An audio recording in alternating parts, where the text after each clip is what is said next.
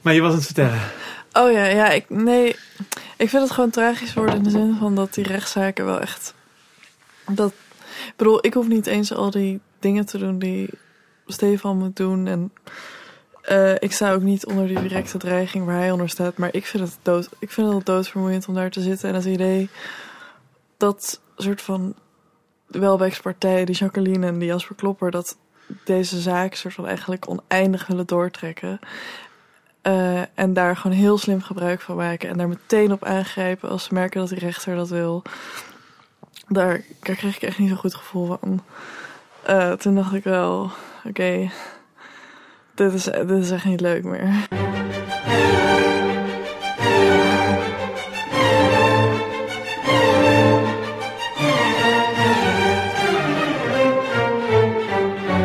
Dit is geen spel meer. Nou ja, dat was het natuurlijk al niet. Maar dat die rechter soort ruimte schept voor hun geëmmer en zegt... Ja, ze hebben ook wel argumenten. En um, dat zegt, dat zijn argumenten aan beide kanten waar ik wel wat in zie. Uh, maar ja, om dat echt te begrijpen, zou er eigenlijk een basisprocedure moeten kijken om uh, moeten komen om te kijken wie nou precies wat wanneer heeft gezegd. En dat je denkt, oké, dus in het begin van deze rechtszaak ga je klagen dat er 27 en 37 stukken zijn ingediend. Dat is echt de eerste zin die ze zei. 27 stukken. 37. En dan daarna, uh, ja, het, uh, het is ook wel echt heel verwarrend. Dus al die stukken die zijn gewoon, Stefan die gewoon echt oneindig veel tijd besteedt aan dat verzamelen en dat laten controleren door iedereen. En Isa, Mette en ik en Kate zitten er allemaal commentaar op te schrijven. En dat moeten die Christian en Minke allemaal verwerken in hun uh, pleidooi. En dat is dan. En die rechter gaat dan ook nog over klagen. En niemand heeft soort van oog voor dat die rechtszaak ook een soort van echt iets is wat ons. Nou ja, ja, wat ons wordt aangedaan. En dan met name Stefan. Dat het echt. Uh, het is echt misdadig. Het is echt, het is echt, en dat idee dat dan Welbeck eigenlijk wel een punt heeft, terwijl dat contract is gekomen om dit juist te voorkomen. Uh, het is gewoon, ik weet niet, dat is zo. Ik had het idee dat die volgerechter uiteindelijk in zijn uitspraak wel dat ook wel liet merken dat hij dat zag. Maar ik had van deze rechters gewoon het idee dat het dat zij gewoon iets hadden van... oh ja, deze gekke mensen... Ja. die zijn elkaar een beetje de kooi aan het uitvechten... om een of andere rare film.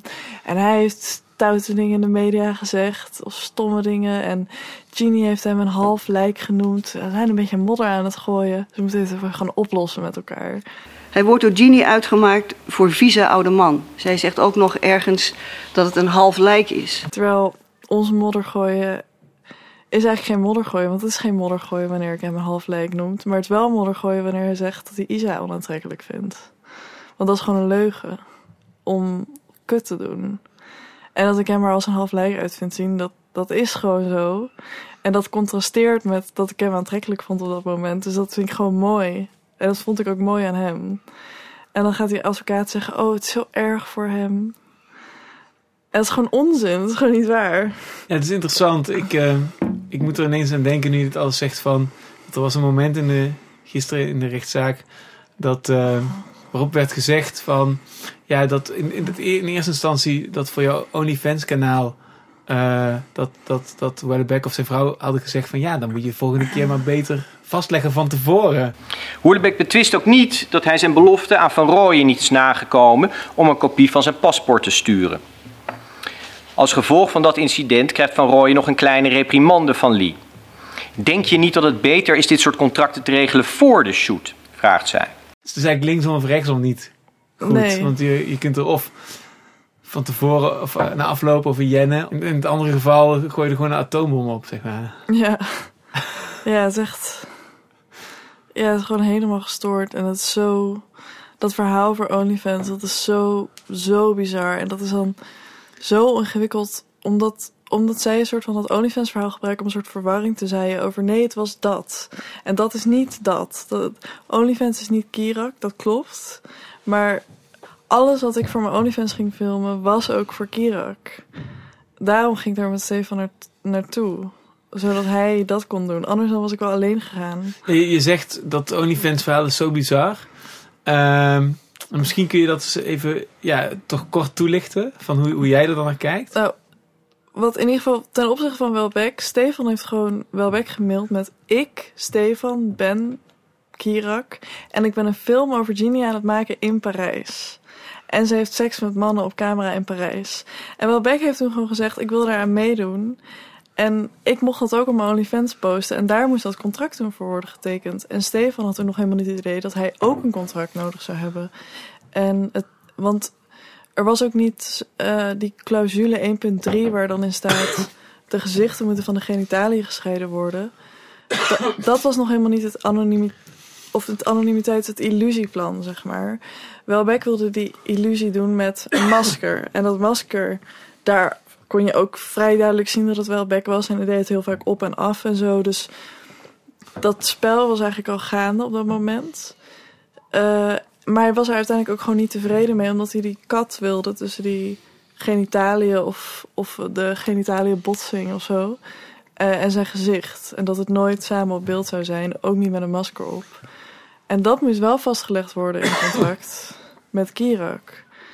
Uh, dus in eerste instantie waren die maskers gewoon daarvoor bedoeld. En toen vond hij die maskers niet goed. En toen hebben we hem dat, die afspraak gegeven. Zodat het echt vastgelegd was dat Stefan dat ook zou doen in de edit. En dat is gewoon een gunst die iemand verleent. Om dat contractueel vast te gaan leggen. Zodat diegene niet bang hoeft te zijn dat je dat niet gaat doen. En nu is dat zeg maar een soort uh, uh, onderdeel geworden van een... Uh van, van een uh, loopgravenoorlog. Waarbij je al bij een millimetertje opschuift. Uh, van, ja. ja, dat soort van. Dat, dat, het, dat het ergens voor mij dat hij dat OnlyFans-contract niet heeft voldaan uiteindelijk. door zijn paspoort niet op te sturen wat er voor nodig was. Een foto van zijn paspoort. dat is. Dat is de soort van gewicht daarvan is volgens mij gewoon dat het een bewijs is van zijn onbetrouwbaarheid. En het heeft niet. En wat het met het volgende contract te maken heeft, het Kira-contract, is. Het werd duidelijk dat er een contract echt nodig was. Uh, omdat, uh, omdat hij gewoon onbetrouwbaar is. En omdat je anders niet met hem moet werken. Ja, dus het is eigenlijk naar jouw idee heel simpel. Mm -hmm. Namelijk, je iemand stemt in om mee te doen met een OnlyFans verhaal. Ja, met de opnames die Stefan in Parijs aan het maken is. Ja. Met mij voor Kirak. En gaat dan konkelen en kronkelen en raar doen. Mm -hmm. En vervolgens uh, leg je dat iets meer vast. Ja, omdat, ook omdat hij dus uh, gewoon in het overleg over hoe we verder gingen met die film zei: ik wil, ik wil iets bedenken over die illusie die er gewekt kan worden dat mensen kunnen geloven dat ik het niet ben die die seks doet. En misschien zullen ze het nog geloven ook. Uh, dus hij zag daar ook het spel mee dat sommige mensen natuurlijk wel, zoals de rechter zei, sommige mensen zullen wel geloven dat je eigen stunts hebt gedaan en andere mensen niet. Ja. Uh, het lijkt zelfs ook een beetje daarin dan. Uh, ik weet niet, ik was er niet bij, ik heb het niet gehoord, maar zoals je het nu parafraseert, lijkt daar zelfs een beetje de humor in te liggen van, van. dat mensen dat willen geloven soms ook. Want dat ze dat gewoon niet willen zien van een ster. Dat die, of zo toch? Dat, ja. Dus dat hij helemaal door heeft wat voor laagjes daarin zitten in zo'n verzoek. Ja, precies. En dat is, dat, ja, dat is zo uitvoerig vooraf overlegd. Dat het idee dat hij allemaal andere eisen had die niet zijn meegewogen een beetje absurd is, omdat hij die eisen nooit heeft duidelijk gemaakt. Dus heel die rechtszaak, heel vaak gaat het ook over allemaal dingen die eigenlijk de bedoeling waren volgens Welbeck. Bijvoorbeeld dat hele argument dat hij uitvoerend kunstenaar zou zijn. Maar hij is gewoon zichzelf de hele tijd in die film. En er zit helemaal geen. Ik bedoel, hij heeft gezegd dat hij eigenlijk een film met een script wilde maken of dat hij een script zou schrijven of zijn vrouw, of dat het een de opnames castings zouden zijn of zo. Maar daar heeft hij zelf, niemand heeft dat tegen hem gezegd. Of hij heeft zelf nooit gezegd: Oh, dit zijn eigenlijk castings voor de film die we nog gaan maken. Of um, wanneer gaan we dan het script doen? Of um, ik heb trouwens nog dit idee, of zullen we nu dit doen? Hij heeft nooit zulke inbreng meegebracht. Hij heeft zich gewoon echt altijd als zichzelf laten filmen. En die rechter vroeg ook van... Maar is dat masker dan niet eh, een creatieve inbreng van hem? Maar ik heb dat wolvenmasker uitgezocht met Stefan in een feestwinkel in Parijs. Voor, zodat mensen met een gezichtsbedekking, eh, als ze dat wilden, eh, die films konden maken. En als je dus, als je zeg maar dit alles vertelt, hoe heb je dan gisteren naar die zaak gekeken? Dan, dan ziet het er toch uit als een soort toneelstuk of bijna voor jou? Nou, Want hier is helemaal geen ruimte voor om gewoon dit soort dingen te zeggen. Ja, ik vind het lastig dat soms gewoon dat ik bijvoorbeeld niet weet wanneer ik soort van zou moeten zeggen: Oh, mag ik nu iets zeggen? Want ik heb er ook. Ik zie, zie er ook heel erg tegen op of zo. Ja. En ook omdat ik weet dat die stukken er gewoon zijn en dat, eh, dat Christian en Minke en Stefan die ook heel goed kennen. Maar bijvoorbeeld, bij sommige dingen denk ik achteraf: Oh ja, misschien was het wel goed als ik, als ik dit even had toegelicht. Eh, bijvoorbeeld, ja, bijvoorbeeld over dit masker of zo. Maar dat, ja, dat heb ik ook niet gedaan. Dus dan wordt het een beetje lastig. Maar ja, ik ben dan niet officieel een partij. En die rechter begon aan het einde ook over, ja, ehm, mevrouw van Rooyen is natuurlijk not amused omdat, eh, omdat het contract met haar OnlyFans niet door is gegaan. En daar zijn natuurlijk ook commerciële belangen mee gemoeid, maar die zijn hier niet relevant. En toen dacht ik, wat bedoel je? Wat zeg je nou? Wat bedoel je nou? Bedoel je nou dat ik er, dat ik er soort van voor spek en bonen bij zit? Of bedoel je iets heel anders en ben ik gewoon beledigd heel snel? Of ik snap dan ook niet, ik snap niet waarom zo'n rechter zo omvloerst iets over mij gaat zeggen. Ik vind dat vreemd, want het, bedoel... En wat zou je antwoorden als je, als je dan in het moment had kunnen antwoorden? Wat was je antwoord geweest? Nou ja, in ieder geval dat verhaal dat het mij helemaal niet alleen maar om een OnlyFans kanaal gaat. Dat, eh, dat, dat die film voor mij eh, zo belangrijk is dat ik het ook oké vind om die... Als Welbeck niet op OnlyFans wil, dan, dan is dat oké als er maar gewoon een film komt. Eh, dus, en, dat, en dat werd gewaarborgd in het nieuwe contract. Waardoor ik dat OnlyFans verhaal... Ja, ik weet niet het is wel bizar dat hij dat heeft gedaan. En, eh, en het is ook heel, bedoel, het is ergens ook heel kut dat ik dat niet op OnlyFans kan plaatsen, terwijl hij dat gewoon heeft beloofd. Maar in principe wilde ik ook verder met, met dat contract. En dacht ik, oké, misschien is er nog ruimte om dit, over dit OnlyFans ding te hebben. Maar dat, dat is überhaupt niet ontstaan in, in Amsterdam meer. En ehm, de- volgens mij ehm, wordt dan ook een heel klein beetje de su- suggestie gewekt. Ehm, dat vond ik gisteren, dat de suggestie een beetje werd gewekt van... Ja, maar zij heeft natuurlijk wel ook heel erg veel belang bij... dat ze zo groot iemand als Wellebeck in haar OnlyFans kanaal kan krijgen. En dat is natuurlijk heel teleurstellend in, in, in de zin van inkomstendelving of weet, andere... Dus er wordt, Ja. hier, er wordt een soort opportunisme dan in je schoenen geschoven, toch? Er Maar gaat nog wat gebeuren met dat is not amused. Ehm, had kennelijk toch ook wel eh, verwachtingen die, eh, nou, misschien heel rechtstreeks op haar eigen OnlyFans ehm, eh, kanaalbetrekking hadden. En waar misschien ook wel, maar dat gaat ons verder niet aan, commerciële belangen mee gemoeid waren. Of dat is in ieder geval de suggestie die daar dan een beetje... Ja, daar had ik nog niet eens over nagedacht. Dat dat dan misschien is wat die rechters denken. Ja, daar, daar vond ik er een beetje in doorklinken. Zo van, Ja. Het is natuurlijk wel... We kunnen ons allemaal voorstellen dat het heel jammer is. Dan heb je wel een bek geregeld om daar seks mee te hebben. Dan denk je, dat is mooi voor mijn kanaal. Want het is wel mooi, het is wel mooi Welleback. Mm. Alsof, alsof dat overweging... Ja, nat- natuurlijk speelt dat ook mee. Maar, maar, maar zoals je Ja, zelf bedoel, zegt, het hele het- OnlyFans kanaalplan bestaat bij, bij de gratie van die samenwerking met Kirak. En het is natuurlijk, een, zoals Stefan volgens mij heel terecht ehm, zei, het is ook een, voor een deel een holistisch geheel geworden. Mm. Alle dingen hangen met elkaar samen. Dus het is heel gek om dat zo te framen, vond ik. ik heb nog steeds geen idee wat er gebeurt als je die Welbeck eh, beelden op OnlyFans zou plaatsen. Hoeveel mensen daar überhaupt naar zouden willen kijken. Of, of een soort van hoe groot mijn commerciële belang daadwerkelijk is. En dat zou je kunnen zien aan... Maar ja, er zijn wel heel veel mensen die zich hebben aangemeld om die film te zien. Dus ik denk dat het uiteindelijk best wel groot is.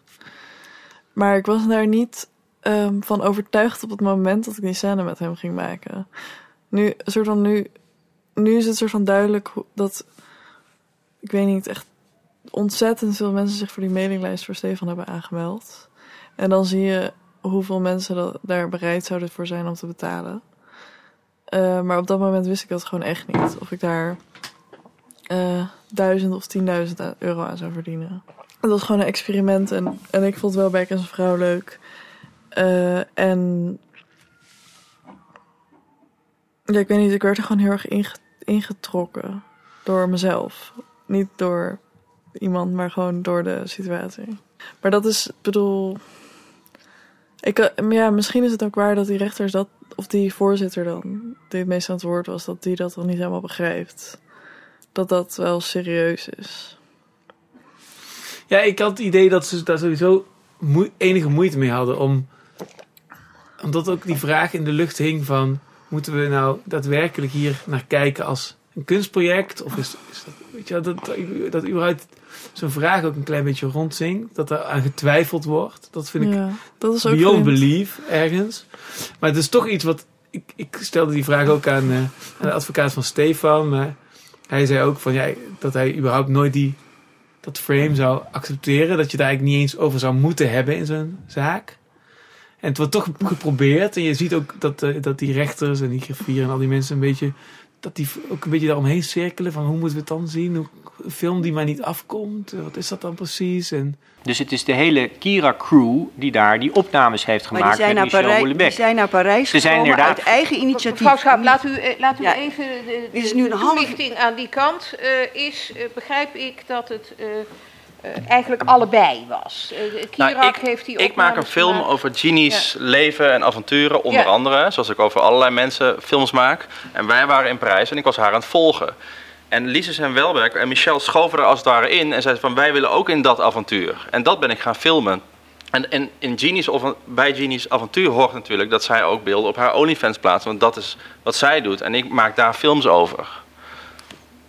Is dat helder of is het... eh, Maar het is, dus niet, het is dus niet zo dat die opnames louter en alleen bedoeld waren voor het OnlyFans-kanaal. Die opnames waren absoluut ook Nee. bedoeld voor deze film. En dat is dus ook wat bekrachtigd is in de overeenkomst en in de e-mailcorrespondentie, zoals mevrouw Gommer die zojuist heeft aangeduid. Ja, ik weet niet helemaal, ik geloof niet dat u het daar helemaal over eens bent, maar dat is in elk geval de visie aan uw kant. U wilde daar nog iets over vragen?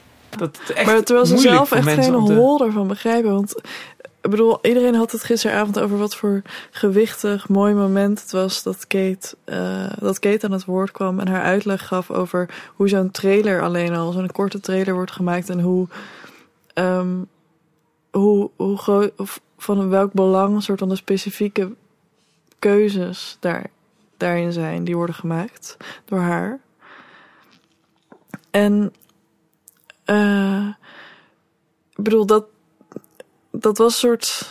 Dat was een soort heel goed moment waar even dat betoog, die betoog van die advocaten werden doorbroken en Kate echt een heel goede uitleg gaf van hoe dat gebeurt. En ik, mensen zeiden achteraf van, oh ja, die rechters waren er duidelijk van onder de indruk, omdat zij, je zag dat zij ook kinderen hebben of zo. Maar ja, dat maakt helemaal niet uit. Dat zij vinden, dat zij eventjes denken, oh wat zielig voor Kate, dat ze was ingeknipt en alleen was.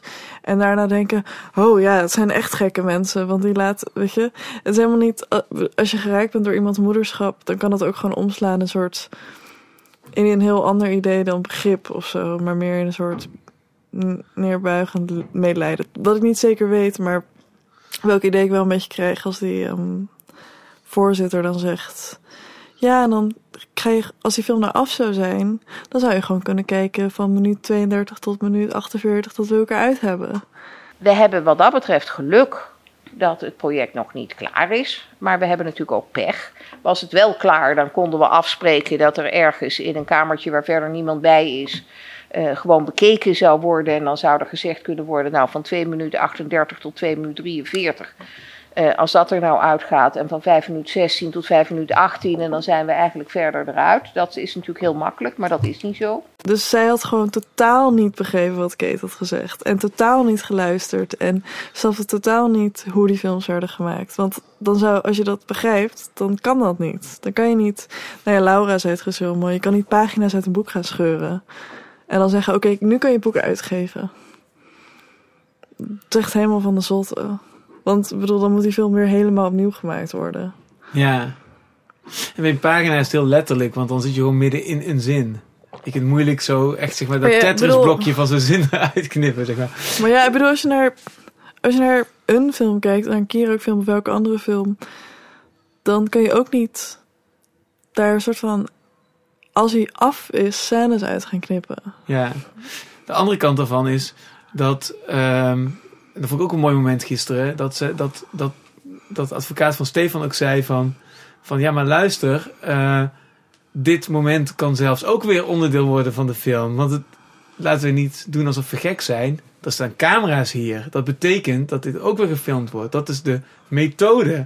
Ah, het is een soort van zelfreizend bakmeel, zeg maar. Mhm. Het is, zei het niet zo letterlijk, maar, maar het was een heel interessant moment, omdat dat, daar probeerde hij echt, omdat ik, omdat ik eh, hem wel echt zie als iemand die wel heel goed begrijpt wat hij verdedigt en, eh, en wat Kirak doet. En hij probeerde het echt over te brengen. En eh, hij begon echt zo te, zeg maar, als een soort table magic, wat voor handen was, zo te grijpen van, zien jullie het nou nog niet? Het is, dit is wat er hier gebeurt, dit is het.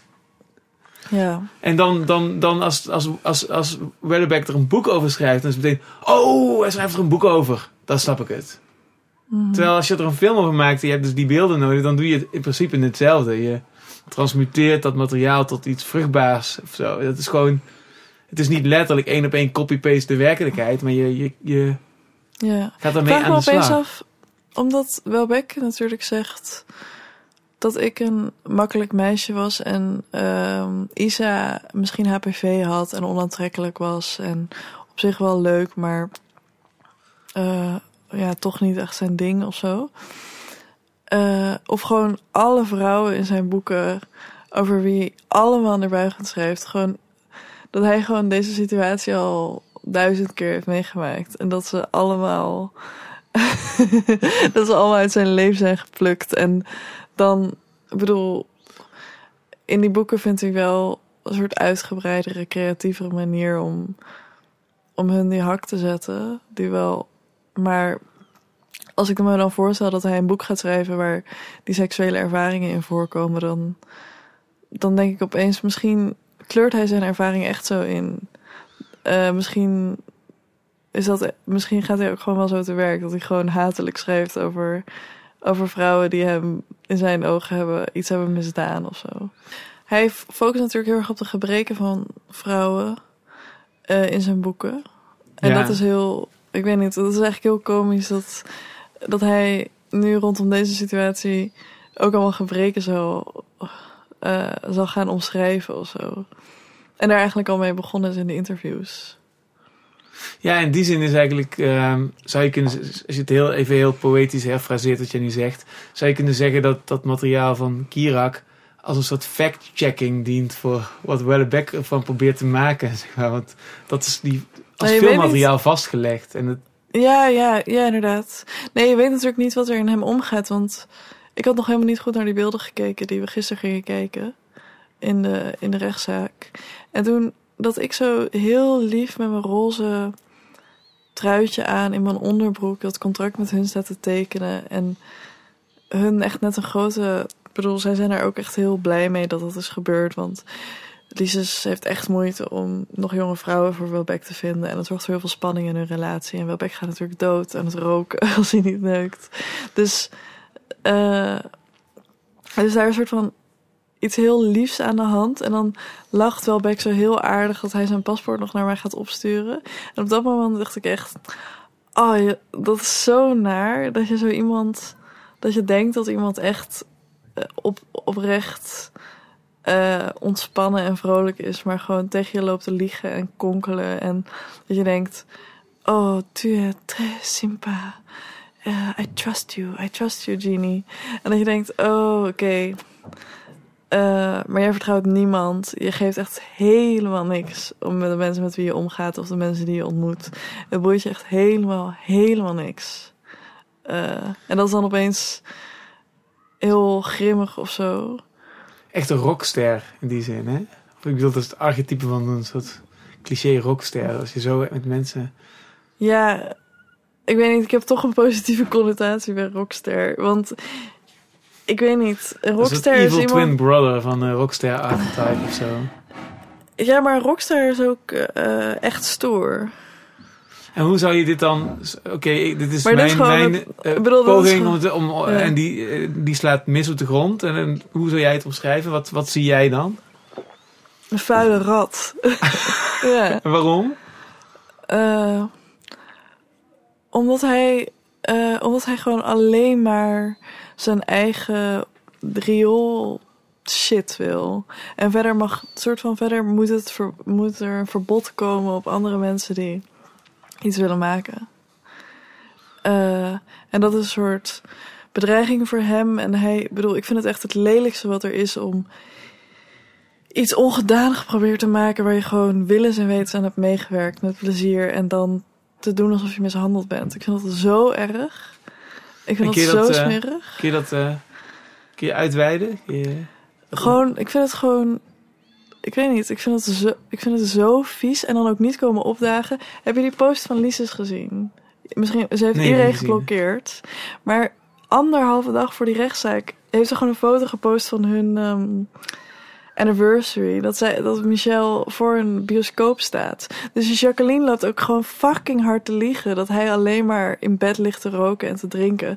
Terwijl er gewoon een foto op die Lises erin staat. Van twee dagen voor de rechtszaak. Dat hij gewoon in Parijs in de stad aan het, eh, aan het lekker een leuke avond heeft met zijn vrouw. Dus dat is gewoon. Stel, ik bedoel, je voelt je toch al schuldig als je gewoon je werk niet wil doen als je een keer ziek bent. Of, niet, of op de middelbare school voelde ik me schuldig omdat ik me te vaak ziek meldde. Omdat ik eh, school haatte en andere dingen wilde doen. En eh, dan voelde ik me al rot. Maar als je gewoon mensen hun leven wil ruïneren met rechtszaken en eh, mensen hun werk wil verpesten en mensen hun kunstwerk wil verbieden. En dan, en dan soort van gaat doen alsof je soort van doodziek en zielig en depressief bent en in bed ligt. Omdat je echt helemaal kapot bent. Terwijl, je gewoon, terwijl er gewoon niks aan de hand is. Hij is gewoon in dezelfde toestand als ik, toen ik hem ontmoette. En ehm, dat hele mediacircus trapt daar toch weer in of zo. Hè? Als je dan die, al die stukken leest die dan verschijnen. Iedereen neemt in ieder geval dat frame aan om te beginnen van Ja, wat Wellebeck dan neerlegt. Als het, ja, dat, maar ja, ik bedoel, ja, ik weet niet, wat moet je... Ja, Hoe kijk je daarnaar? Het is een beetje dat. Het is, het is zo moeilijk of zo. Want als je soort van heel veel. met heel veel afstand naar iets moet kijken. en dat moeten journalisten van zichzelf doen. dan kan je niet gaan zeggen. Ik bedoel, ik. Het, het wordt wel. Ik bedoel, in dat interview met Arian Korteweg. stelt hij wel kritische vragen op zich. Ehm, maar. het is heel moeilijk om om door zoiets heen te gaan prikken en daar als journalist een mening over te gaan innemen. Van ik heb eigenlijk de indruk dat deze man gewoon een, een soort narcissische meltdown heeft. Eh, dat bedoel, dat mag je helemaal niet zeggen. Ja. Volgens mij van je krant, van je redactie. Die zegt dan: nee, eh, je mag wel zijn antwoorden opschrijven waar dat misschien uit blijkt, maar dat is aan de lezer.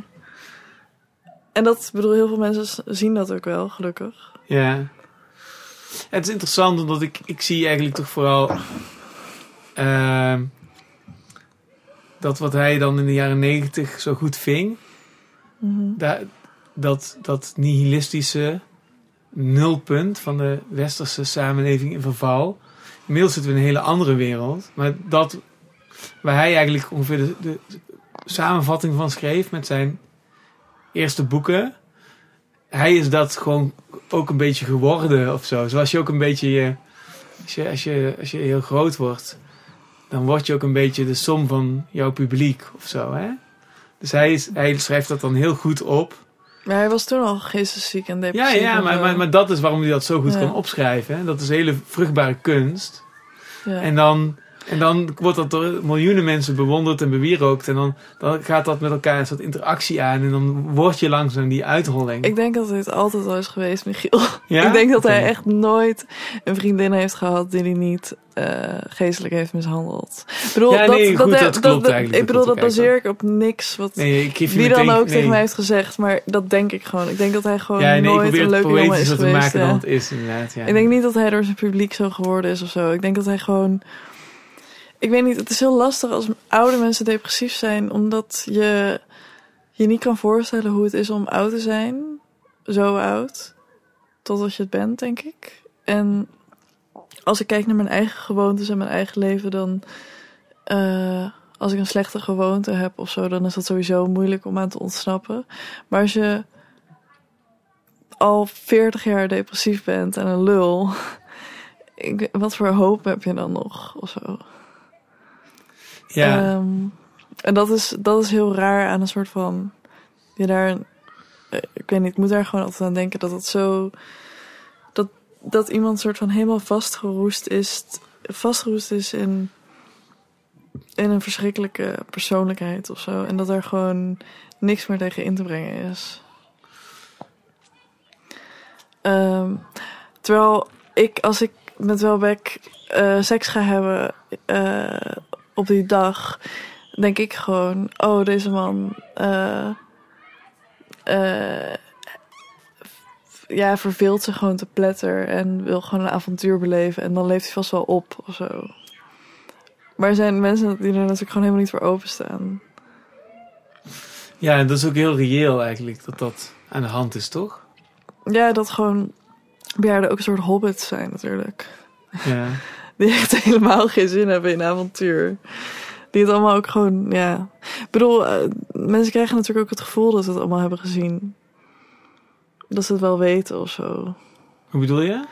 Nou, ik denk dat ik heel erg open sta voor mensen die mij een soort van iets aanbieden waarvan ik denk, oh, wat is dit? Eh, en ik zie daar dan een soort van altijd een eh, glooiende horizon of zo in. Eh, maar ik denk dat dat gewoon ook jeugd is of zo die daar naar verlangt. En als je, als je die jeugd niet. Bedoel, er zijn wel. Bedoel, ik ken heel veel oude mensen die gewoon wel open zijn. Maar er zijn wel ook heel veel oude mensen die gewoon dat, dat echt totaal niet in zich hebben. Die gewoon helemaal. eh, helemaal geen interesse meer hebben in nieuwe dingen. En liever eigenlijk. eh, zich aan iets rottigs vast zouden houden dan, dan ooit nog te hoeven veranderen. Omdat ze dat ook al te vaak hebben gedaan of zo. Ja. Maar ja, dat gaat niet echt heel specifiek over Welbeck meer. Nou, ik wil nog even, ehm, ik wil nog, heel, nog even terug naar een moment waar ik net op wilde ingaan, waar we voorbij waren gegaan. En dat is dat moment waarop jij ehm, met hun daar buiten staat, wat je ook terugzag in de rechtszaak. Eh, dat, dat jij daar eh, staat en dat die contractonderhandeling soort van- soort van plaatsvindt. En jij zei, ehm, als ik je goed begrijp, zei je daar iets over van van ja, het is eigenlijk zo'n shock dat ik in dat moment nog, ik zie mezelf daar nog heel erg geloven wat, dat, wat die situatie is. Mhm. Die openheid, die soort, ja, zo, zoals ik dat zelf misschien zou noemen, ehm, geestverwantschap. Dat je denkt van, oh, we zijn even gelijke geesten onder elkaar en we hebben een poëtisch, intiem, echt moment met elkaar beleefd. En dat je nu ziet hoe ontzettend je daar al in een soort eh, zinsbegoocheling zat. Zoiets. Ik weet niet of ik het zo goed Nou samenvat. Wat betreft zinsbegoocheling is het heel lastig omdat ik ook gewoon ervoor kies om goed van vertrouwen te zijn. Omdat je anders wel heel veel wegen afsluit. Ik bedoel, er is wel bijvoorbeeld een punt geweest. Ik weet niet waar ik ben gestopt met, eh, met naar bed gaan met mannen uit de club of zo. Omdat je gewoon zo'n grote kans hebt dat, het, dat, eh, dat je eigenlijk niet echt een klik hebt met diegene en dat het een beetje ongemakkelijk is. Of dat je verveelt eigenlijk vooral. Dus, maar daarvoor sta je ervoor open omdat je nog moet zien. Dus dan sta, maar dan sta je ook open voor die mislukking. Omdat je gewoon ook daarvoor open moet staan. Je moet er ook voor openstaan dat een oude, beroemde man met heel veel geld die gaat misbruiken of iets gaat doen wat eigenlijk niet, eh, wat niet is wat jij wil. Dus ik was niet, ik was daar niet per se helemaal blind voor of zo. Maar het is meer dat ik dan die andere mogelijkheid er nog is of zo. Dus die gok kan ik dan wagen. Eh, zonder, dat ik, zonder dat ik helemaal geloof dat, dat dat eruit gaat komen. Het is meer dat je achteraf denkt. Om met, de kennis van achteraf weet je dat het niet mogelijk was. Dat dit. Dat. eh, dat zij. eh, dat zij volgens mij gewoon nooit dit met goede intenties hebben gedaan. Ik zie gisteren in, tijdens zo'n zitting zoveel onbegrip of mensen echt zo zoeken. Nou, niet iedereen natuurlijk. Er zijn ook mensen die het echt heel goed begrijpen. Maar er zijn ook mensen die zo aan het zoeken zijn van hoe moeten we hier nou naar kijken.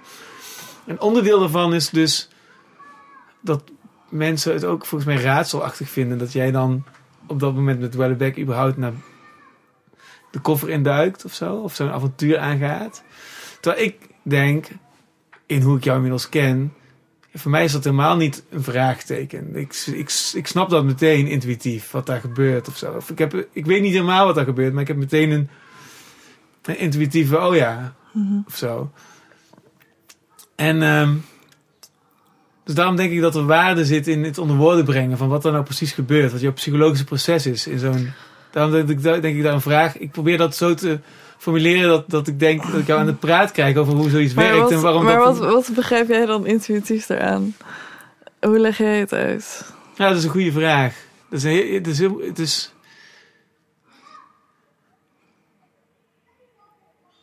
Ja, voor een deel wat je net al hebt gezegd. Dus die, ehm, die... Laat ik het anders zeggen. Dus als ik iets begrijp, begrijp ik het bijna altijd via mezelf. Dus wat, wat zit er in mezelf, wat dat begrijpt. Ehm, er zei ooit eens iemand over zichzelf van... Ik ben een ervaringsjunk. En dat vond ik een hele goede beschrijving. Dus die heb ik sindsdien overgenomen. Dat ik, dat, dat, ik denk dat, dat heb ik zelf ook. Dat heb ik als het gaat om drugsgebruik, als het gaat om seks, als het gaat om eh, kunstenaarschap, als het gaat om eh, mensen ontmoeten. Of ja, het is wat all-in mentaliteit. Ik wil gewoon die, ehm, dat leven snappen of zo. Of, dus, dus dat is denk ik, als ik hoor van, oh, Genie is... eh, ehm, uiteindelijk in een situatie beland in Parijs op een hotelkamer dat ze met Wellebeck was en er is seksueel verkeer geweest, dan denk ik meteen van, oh ja.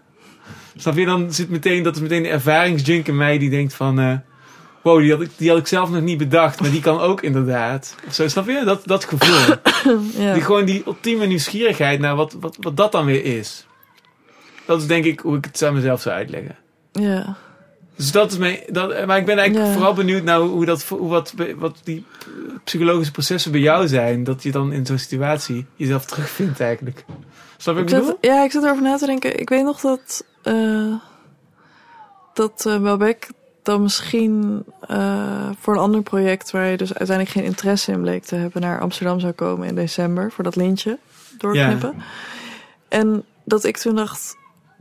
Oké, eh, deze, deze gekke sek- seksverslaafde literaire genie komt naar Amsterdam. Ehm, misschien, misschien ga ik wel iets met hem doen of zo. Ik vond het wel, ik vond het wel spannend. Dat idee sowieso al. En dan Ah, dus toen daar dacht begint ik, het. En toen dacht ik, ja, maar. Het is zo. bedoel, het is gewoon stom als dat dan.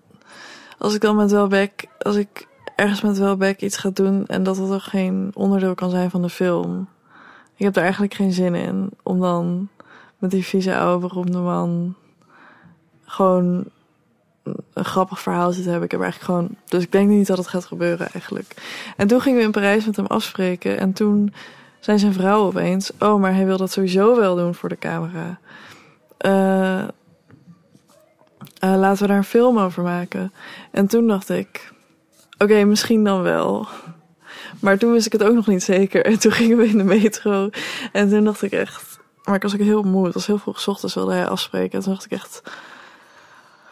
oh, wordt dit een soort... wordt het echt een ramp? Of wordt het heel leuk? Ik weet het echt niet. Ik voelde echt heel... Ik voelde, ik voelde me echt alsof ik op een achtbaan zat. Maar zo voelde ik me ook toen Sid bijna aankwam. eh, Ja. eh, voor het filmen. Dat ik dacht, oké, nu komt het erop aan of zo. Dat nu...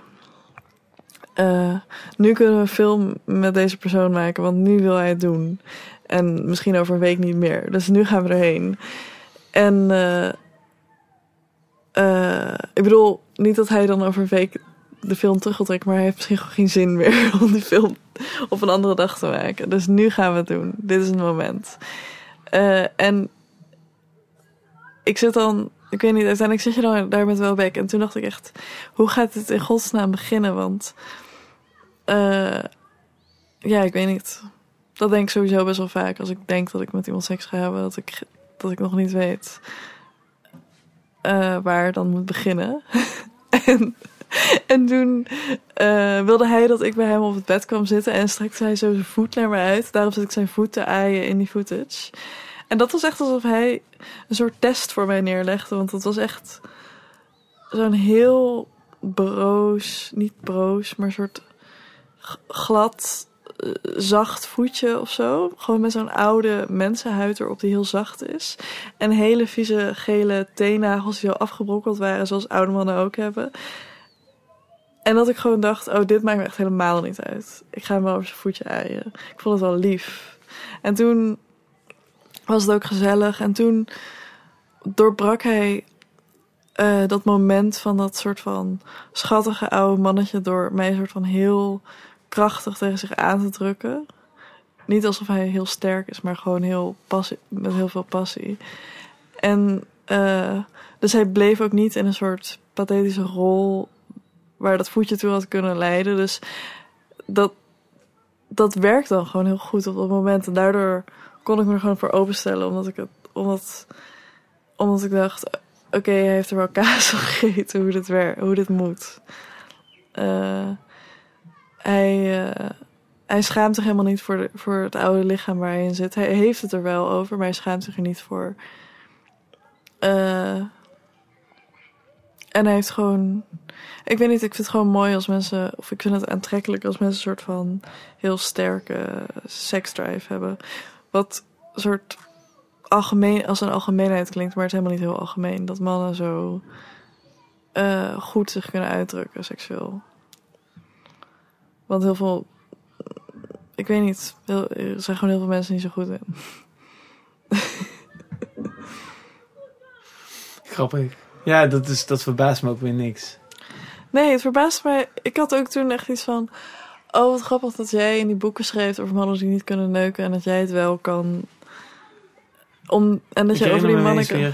Ik herinner me nu je dit al zegt er eens meer dat, dat we, we spraken elkaar. Volgens mij was dat op mijn verjaardag dat jij dat, jij, dat, voor, dat, dat voor het eerst. eh, naar buiten kwam. ja, dat, jij, dat Stefan dat aan mij vertelde, zo stiekem van kijk, is wat ik nou toe op mijn telefoon heb staan. en dat jij toen ook naar me toe kwam. En toen hebben we daar voor het eerst over gekletst. En toen, toen vertelde je ook dat, je, dat, dat hij inderdaad verrassend was, seksueel gezien. Mhm. Dat is wel een mooi detail van het verhaal, vind ik. Ja. Ja, da- ja daarom, is het, daarom is het voor mij. eh, was het op dat moment. Een, ehm, dat was een mo- mooi deel van, eh, van het maken van die film. Ehm, ja, ik weet niet. Ik heb het gevoel dat ik nu voor de rechtszaak moet zeggen. Maar dat betekent natuurlijk niet dat er geen misbruik van mij is gemaakt. Want er was een afspraak dat het onderdeel zou worden van een film. En anders had ik er ook niet van kunnen genieten. En dat is echt zo. Ik had echt. Ik had het. Ik, ik wilde het echt niet zonder camera erbij. Dat was echt een voorwaarde. En ik had het echt. Op geen, ik had het gewoon niet op een andere manier gedaan. Omdat ik gewoon helemaal niet wilde dat. Voor mij is dat. Alles wat er in zo'n moment speelt. eh, en die soort van botsing tussen jeugd en ouderdom. En zijn verlangen naar mijn jeugd. En mijn verlangen naar zijn roem en zijn kennis en zijn kunstenaarschap ik vind dat ik wil ik wilde gewoon echt niet dat dat verloren ging in een soort eh, ja ik wilde gewoon dat vastleggen. En, eh, en en anders had ik het niet gedaan. Omdat ik er anders ook niet zo van had kunnen genieten. Omdat het anders zo wegwaait of zo.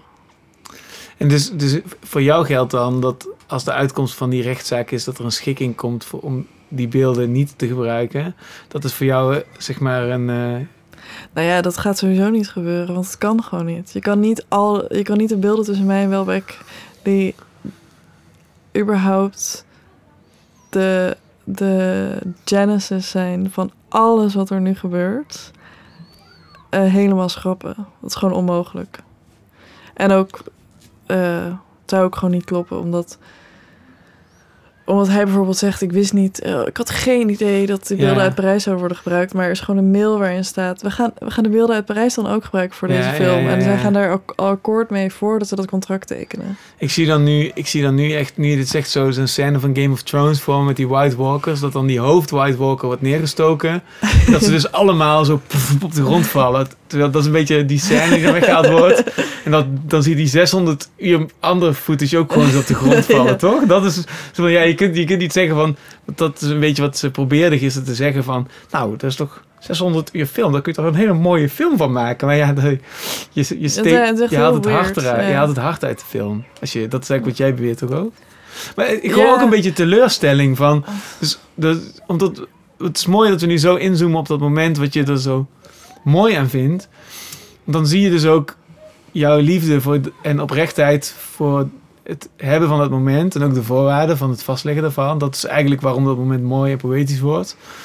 En, ehm, en dus dat, dat is, dat is waar, waar je, het, het kloppende hart van, van, de, van dit verhaal.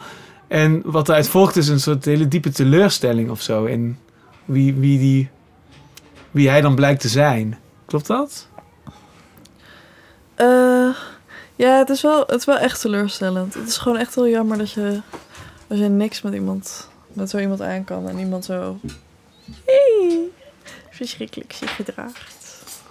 Ehm, en ja, ik weet niet, ik bedoel, het is heel lastig om het heel hard of heel absoluut teleurstelling te noemen. Want dat impliceert dat ik echt dit niet, dit niet kan accepteren bijna. of zo. Nou, nee, ik weet hoe ik erop Ja. kom. Ik weet hoe, hoe ik op, op dat woord kom. Want ik vind het ook een beetje... Het is eigenlijk, eigenlijk een, eh, een eh, matig... eh, Teleurstelling is, is in zichzelf een teleurstellend woord. Daar ben ik het met je eens. Maar het is wel. Maar ik bedoel, nee, denk ik, ik probeer het. Ik denk dat ik erop kwam om als tegenwicht op waar het frame over lijkt te gaan. Namelijk dat dit een ernstige vorm van misbruik ook kan zijn. Of, dat is, dat, in die termen wordt er ook over gepraat. Van, als het dan over. Van Welbeck. Ja, inderdaad. Van, van ja, je, je zegt eerst van eh, je mag dat gebruiken voor een OnlyFans kanaal. En dan doe je dat niet. Nou, dat kun je ook zien als een vorm van misbruik. Ja, dat, dat is, is, het erg, ook. dat is het ook. Maar Ja. het is ergens ook een, ehm, een eendimensionale lezing. Eh, dus er ontstaat een element van dimensie door daar ook die teleurstelling aan toe te voegen. Dat is denk ik wat ik dat zeg. Ja, Misschien Nee, ja. is het wat ingewikkeld wat ik zeg. Nee, ik ben gewoon benieuwd. Laat ik het anders zeggen. Hoe, hoe ik, zie ik jij ben dat? Wel, ik ben wel echt teleurgesteld, maar het is niet dat ik niet kan leven met deze werkelijkheid of zo. eh, die er nu ontstaat door al die rechtszaken en zo. Want het is interessant. Ik bedoel, ik ben niet geïnteresseerd in. On, ik ben niet zo geïnteresseerd in mijn ideaal van Welbeck eh, vijf maanden geleden als de echte Welbeck. Ja. Dus dat. ja, dus dat het masker eh, afvalt en dat je dus nu dit allemaal ziet, is ook weer in zichzelf interessant. Ja, het is interessant en. eh, En Ja, kun, kun, je daar eens nog, nog even tot slot induiken van wat zie jij dan nu? Hoe kijk je daar nu naar? Ja, je hebt het al een beetje gezegd hoor, maar... Een rat zei je net. oh ja. maar, Nee, eh, ja, het is echt wel wat. Ik bedoel, het is echt niet grappig bedoeld. Het is echt... Ik weet niet, ik vind het echt... Ik heb wel mensen ontmoet die ik als slechte mensen zie, maar... Hij en vrouw zijn wel een soort nieuw toppunt. Omdat zij gewoon... Ik weet niet. Zo grimmig leven leiden en zo'n eenzaam bestaan in Parijs hebben. En dan een soort van... Praten over eer en alles is nep en alles is soort van... Heel dun laagje eh, performance. eh, waar eigenlijk gewoon als je daar doorheen wil of zo. Of als je ziet dat dat iemand is die doet alsof ze een soort gedegen vrouw is van een schrijver. Maar ook gezien wil worden in haar tragische toestand. En ook gewoon een beetje pathetic en dom is. eh, en bij een man blijft die lul is. Als je dat allemaal ziet. En dat daar dan soort dat daar een soort paniekreactie volgt, is natuurlijk ook wel weer normaal. Maar dat, dat soort van op deze manier willen verbieden van dat mensen dat überhaupt kunnen zien aan jou, dat je, dat je ook lelijk bent. Eh, dat, ik weet niet, ik vind dat gewoon zo, ik vind het zo slecht. Eh, en zo, zo vies of zo, dat iemand je dan, dat, dat daar een soort seks, meisjes voor seks gebruiken bij zit of zo. Dat je echt, en, en dat ze ermee wegkomen of zo, volgens mij geeft dat hun ook een soort gevoel van dat ze daar dan heel slim in zijn. Eh, terwijl, wat, ja, ik weet niet. Wa- Wat, zit- wat zit er dan, ik weet niet, wat zit er dan in je hart behalve gewoon eh, modder of zo? of niks. Eh, Ja, niks, denk ik. Want is, het vloeit voort uit eh, het nihilisme van de jaren negentig. Dus dit is eh, kloppende hart van dat maar nihilisme. niet, ik bedoel, ik vind het niet zo nihilistisch om soort van als doel te hebben om mensen te misbruiken. Want dat is gewoon dan heel waardevol voor jou. Ja, maar het is gebouwd op een geloof in niets. Ja, maar zij trekken zich omhoog aan Welbeck in het bijzonder en ik denk zijn vrouw op een andere manier. Trekt zich, Welbeck trekt zich omhoog aan het gevoel andere mensen te overheersen en de verschrikking in te duwen. En dat is, ja, ik weet niet, dat is toch wel iets wat hij hoog waardeert volgens mij. En wat wel te maken heeft, denk ik, met een geloof ook in andere waarden. Omdat je dat daar tegen afzet, zeg maar. En ook het, het gebrek aan die andere dingen waar je naar verlangt. En eh hoe heet dat? Resentment. Over, over dat jij dat niet hebt. Dus ik weet niet of ik het nihilistisch vind. Maar ik vind het heel... Ik vind het gewoon... Ik vind het echt heel zwartgallig. En heel... Ik bedoel, ik ben er ook door gefascineerd. Maar ik vind het... Ik, ik weet niet. Ik heb wel... Ik ben wel... Voor, ik heb me wel... eh, ik ben wel eerder gekrenkt geweest door mensen. Maar ik heb altijd het gevoel dat die mensen daar betere redenen, redenen voor hadden dan het krenken om het krenken. Of het misbruiken om het misbruiken of zo. Ik vind dat van die Jacqueline heel knap. Dat zij een soort van... Ik had in het begin dat ik dacht... Ze zit echt op dezelfde toon sentimenteel te doen tegen de rechter. Over... En ik merkte dat ze moeite had om in die toon te komen. En ik dacht, oh ja, ik kan me het voorstellen als je twee keer dezelfde act doet. Maar al één keer ermee hebt verloren. Dan moet je je echt herpakken in je, in je act. Van een soort moederlijke, bezorgde vrouw die om die sympathie voor Welbeck wil opwekken en hoe zielig hij is, overtuigend wil overbrengen. En, en zij pakt gewoon dat moment. Ik weet niet, ik vond in het begin vond ik dus had ik ook het idee dat ik langs haar naar de Jasper Klopper keek en dat zij naar mij keek en dat ze een soort van haar ogen ten hemel sloeg. Eh, dat dacht ik te zien. En ze sloeg volgens mij best wel vaak haar ogen ten hemel, dus ze was gespannen in ieder geval. En toen begon die rechter haar soort van handreikingen te doen. En dat heeft ze gewoon zo goed aangepakt. En daardoor kon ze gewoon weer helemaal opkrabbelen. En dat was zo... Bedoel, dat was heel behendig. Maar het was ook zo... Ik dacht toen gewoon echt... Oh my god. En die rechter gaat nog in mee ook. Op dit moment dan in ieder geval. Er zijn natuurlijk best eh, grenzen te trekken eh, als het gaat om wat nog wel en wat niet meer. Alleen, als dat in het kader van de schikking is, moet u die grenzen samen trekken. dat idee dat er een soort eerlijk overleg met Welbeck gaat zijn. En dat je zomaar scènes uit een film kan knippen. En dat, eh, dat Welbeck ook wel een punt heeft. En dat ons verhaal, dat onze film... Dat Welbeck helemaal niet aan dit project mee wilde werken. En niet eens wist wat het was. En dat het ook een beetje raar is dat wij nog niet weten wat het is. En dat ik echt dacht, oh my god. eh, dit gaat er komt nu een soort van zoveel ruimte voor dit om nog veel te lang door te gaan. En het moet gewoon echt ophouden. Het is gewoon, ik wil gewoon niet meer in zo'n rechtszaak. zitten terwijl ik niet eens ben. Ja, dat is ook heel helder. Ehm, eh, na alles wat je hebt gezegd, dan eh, raak ik ook helemaal overtuigd inderdaad van, van dit standpunt. Van deze, dit is eigenlijk, ja, ik ben gewoon, dat zei ik net ook al tegen Christian, van ik ben categorisch tegen verbod op kunst of kunstuitingen of, dus ik, eh, of censuur. Dus daarin vind ik de zaak al compleet bizar.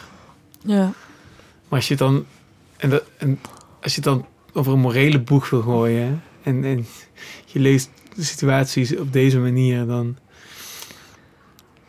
Dat is absurd, inderdaad. Nou, alles wat daar, is gebeurd. Maar dat komt denk ik omdat, omdat zo ontzettend veel mensen twijfelen aan de intentie van de makers of zo. ja. Dat is de morele discussie op zichzelf. bedoel, of die discussie wordt. Ik sprak laatst, ik sprak laatst gewoon iemand die echt... Ik sprak laatst Gabriel in de, in de Pels, Gabriel Kousbroek. En die is echt al heel lang begaan met Kirak en met mij. En eh, vond Honeypot geweldig. En die komt nu opeens met... Ja, jullie maken wel pestfilms. Ja, en Stefan en, en ik had dat trouwens ook. Ik bedoel, wij voorzagen echt wel dat hier een rechtszaak uit zou komen. Want Stefan wil gewoon pestfilms maken. En ik denk dan gewoon echt... Oké, nou ja, fuck you of zo. Ik bedoel, wat de fuck gewoon. Pe pestfilms maken. Hallo Gabriel, ik, jouw vriendin uit de kroeg, heb daar gezeten met die man om, om een film te maken over seks met een oude man. Eh, en niet om hem te pesten, maar gewoon om te filmen hoe dat is. Eh, ik bedoel, weet je wel hoe graag je met mij de laakjes wilt duiken, vies gorren? Ja, Eh, weet je wel hoe erg dat tegenovergestelde is van pesten? Maar het is gewoon belachelijk dat soort van mensen dat toch zo graag willen geloven. Zelfs mensen die gewoon met hun eigen ogen, of ik bedoel, die gewoon echt te slim zijn om dat te geloven dat het een soort van zo'n sterk frame is. Dat het zo verleidelijk is om dat te denken. En die Stefan, ja, die. Bedoel, bij de Surinamer, bij Belmar Arena, als ik er alleen heen ga, gaat die eh, verkoper mij ook vragen. Dus, dus eh, wie, is die man met wie jij hier komt? Ja, hij is altijd met mooie meisjes. Oh, hij maakt films met jullie. Ah, oké. Eh, dus soort van die afgunst en die, die neiging een soort van Stefan als een soort kwaadaardige pestkop die naïvelingen inzet voor zijn nare projecten om andere mensen naar beneden te trekken. Ik bedoel, ik weet niet. Ik vind dat echt. Ik word er echt zo kwaad van. Ik vind dat echt zo'n. Ik bedoel, het is heel grappig om mee te spelen soms, maar het is ook. Maar het is ook echt. Het is gewoon ook echt goor. Dat idee dat iemand die echt zo integer te werk gaat ten opzichte van. eh, een heel groot merendeel van de filmmakers. Die wel echt hun stagiaires eh, kapot maken en leegzuigen en burn-outs inwerken. Eh, en iemand Ja. die zo goed met zijn mensen omgaat, een soort van te, te behandelen of te, te willen framen als, als een soort misbruikmakende eikel puur zang of zo. Die mensen denken gewoon dat, dat Stefan er wel weg is of zo. Ja. ja, het is absurd dat je het zo zegt. Ik ken ook zoveel verhalen van de filmindustrie. Hoe cynisch en hard en kut die wereld is. En dan sta je weer met z'n allen op zo'n op zo'n set. Een soort kauwgomballenfilm te maken. Die van, eh, weet ik veel... gooi ze vrouwen in de sneeuw 3 of zo. En dan, Ja. en dan denk je van, oké... what the fuck is dit voor een kutproject? En dat, dat, dat is dan de echte uitbuiting voor 200 mensen of zo. En daar is iedereen ook zo cynisch en hol van geworden... dat daar ja, op allerlei manieren wel mensen voor elkaar inzetten... voor hun meest cynische doeleinden. En dat is dan goed... En inderdaad, en, en dit wordt dan eh, met een vergrootglas eh, uitgelicht. En, en, en, en al, die, al, die, al die journalisten die dat dan eh, aanstippen, die die integriteit van de makers in, in twijfel trekken. Maar Wat mensen gaan dan ook gewoon- die zitten er gewoon allemaal zijn gewoon naast. En wij kunnen dat allemaal- zien. Dat vind ik zo schitterend aan zo'n, aan zo'n zaak. Dat we nu in een tijd leven dat we dat gewoon allemaal kunnen zien. Ja. En kunnen nabespreken op YouTube in eindeloze ja, gesprekken. Want het is gewoon je- zichtbaar. als al je vrienden zeggen... Oh ja, maar Kirak dit en dat. Ik bedoel, ik snap wel dat mensen gewoon geen zin hebben... om als een soort ridder op het bres gaan springen voor Kirak... als ze gewoon een fijne sociale omgeving hebben. Ik bedoel, waar moet je dan heen met jouw terecht goede oordeel over Kirak of zo. En dat is gewoon, ik weet niet. Ja, ik nee, weet niet, ja. een soort van. Ik, vind, ik weet niet. Ik kijk er wel op neer of zo, maar aan de andere kant denk ik ook. Als je soort van in een soort heel positieve sfeer Goois vrouwen kan maken. En ehm, je intellectuele oom of tante dan misschien zegt van. ehm, oh ja, is niet echt mijn ding. Maar, eh, maar niet denkt dat jij eigenlijk iets kwaadaardigs aan het doen bent of zo. Of iets heel weird of heel gevaarlijks of zo. Ja, dan is het. Dan kun je ook soort van zorg, ik weet niet, dan er zit in ieder geval geen, geen stigma op Gooise vrouwen maken. Of dat willen kijken of zo, of dat, goed, of dat goed vinden. Want dat is een soort, mensen kunnen dat accepteren als simpel plezier. En ik heb wel het idee dat sommige mensen echt soort van gewoon geen zin hebben om, omdat ze wel eens Kira kijken en het goed vinden, ehm, daar een soort standpunt over in te gaan nemen. Maar ja, Ja, het is wat ik dus eigenlijk toch altijd wel knap vind aan die, die Kirak-films, is dat ze toch elke keer je opschuiven naar een, naar een plek waarvan je zelf. st- Ik vond het ook even moeilijk dat, dat Wellebeck eh, het was dit keer het onderwerp, omdat ik een groot bewonderaar en fan ben van Wellebeck. Dus ik zit ook eventjes daar of zo. Maar ja, dat is Ja. toch iets wat je jezelf moet oplossen. Als, ja, je moet toch even je- bij jezelf te raden gaan. Wat is dat dan? En dan pas kun je het weer helemaal doordenken en doorvoelen en zien wat al die standpunten zijn. En dat, dat vind ik toch, eh, ja, zoals een steeds sterker middeltje drugs of zo. Weet je, wat je dan toch even, oh, ja, oké, nou ga ik iets groter zegeltje LSD nemen en dan ga ik 12 uur door de bossen lopen en dan kijken of ik dat aan kan. Zo, dat, dat effect heeft het op mij altijd een beetje. Dus dat vind ik eh, interessant. ja. Ik vind dat heel boeiend om, dat, om die, dan die soul searching te gaan doen of zo. Van, om te kijken hoe, ik die trip nou weer overleef. Maar goed, dat is ook, dat is maar ja, ik weet niet. Om dat even, Ja, ik ben een heel gevoelig Dus ik ziel als je, als je bewondering voor een beroemdheid zo moeilijk kan loslaten. Volgens mij, is dat, volgens mij valt het wel mee hoe moeilijk dat voor jou is. Toch?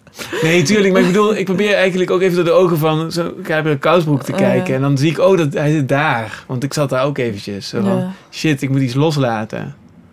Dus- Maar hij blijft daar dan zitten. Dus ik probeer even dat via- ook weer, Ja, nee, ik net bedoel, zeg, ja. dat het altijd via mijn, dat Ja. ik het altijd toets aan hoe ik dat zelf ervaar. En dus ik, ik ken die fase wel van dit probleem, zeg maar. Mhm. Ja. Ja, dat ja. Ja. Oh, ik ben echt helemaal boos over. Ik vind het echt heel erg als mensen. eh, als mensen het eigenlijk met me eens zijn en me steunen en dan. eh, iets verschrikkelijks gaan zeggen. Ehm, ik kan er niet tegen. Ja, ik kom, ik kom gisteren ook de uitgever van, eh van Wellebeck tegen. Dat is ook mijn uitgever. Dat is gewoon de, de, de, ja, de, de, degene die zijn boek hier in Nederland uitgeeft. En, en eh dus het was trouwens een heel leuk moment. En ik heb heel leuk, veel goed met hem even daarover gepraat. Alleen, ik merk ook, ik vroeg hem ook of ik hem mocht interviewen. Hij zei, ja, toch liever niet, want... Hij staat gewoon vierkant achter Wellebeck en hij kan daar dus niet van afstappen. Maar dat snap ik ook wel in die, in die positie, dat, dat, een hele, dat hij echt in een lastige positie staat. Maar ik vind het ook opvallend dat... dat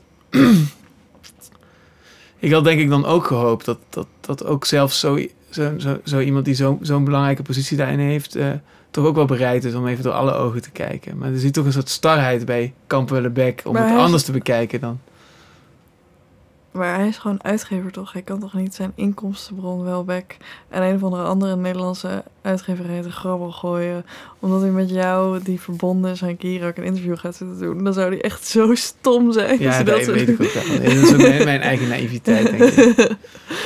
Maar ik vind toch dat hij dat, dat, dat, dat zou nou echt een perspectief toevoegen, vind ik. Ja. Ik denk dat, Maar goed, ja. ik denk het dat het heel hoog... Nou ja. Wat? Ik weet niet. Ik bedoel, ehm, misschien heb je wel gelijk. Misschien, eh, misschien zijn er wel heel veel uitgevers die daar, eh, die daar wat opener in zijn. Want, want ze geven natuurlijk wel gewoon... Ja, ik denk dan heel praktisch van... Of niet, ik denk helemaal niet praktisch. Ik denk dan gewoon van... ehm, alle uitgeverijen kunnen maar niet ophouden al 10, 20 jaar lang over hoe erg de ontlezing is en hoe zeer we zullen moeten veranderen. nou, dit is nou echt een verandering die onder je neus plaatsvindt. Namelijk hoe, hoe kan literatuur ook gedijen in een soort YouTube-context. Mhm. En eh, ja, ja, ik, ik zou, als, als ik uitgever zou zijn, zou ik meteen op die boot gesprongen zijn. Want het, hier gebeurt het nu. Ja. Die, die boeken van Wellebeck, die, die, die, die worden aangevreten door ontlezing. En, en je hebt net al heel erg uitvoerig geschetst hoe Wellebeck ook alles verslindt wat eh, op zijn pad komt. Dus dat is gewoon een soort zichzelf opetend monster geworden. dus ja, nou fijn. Het is misschien een beetje flauw om dat zo te zeggen.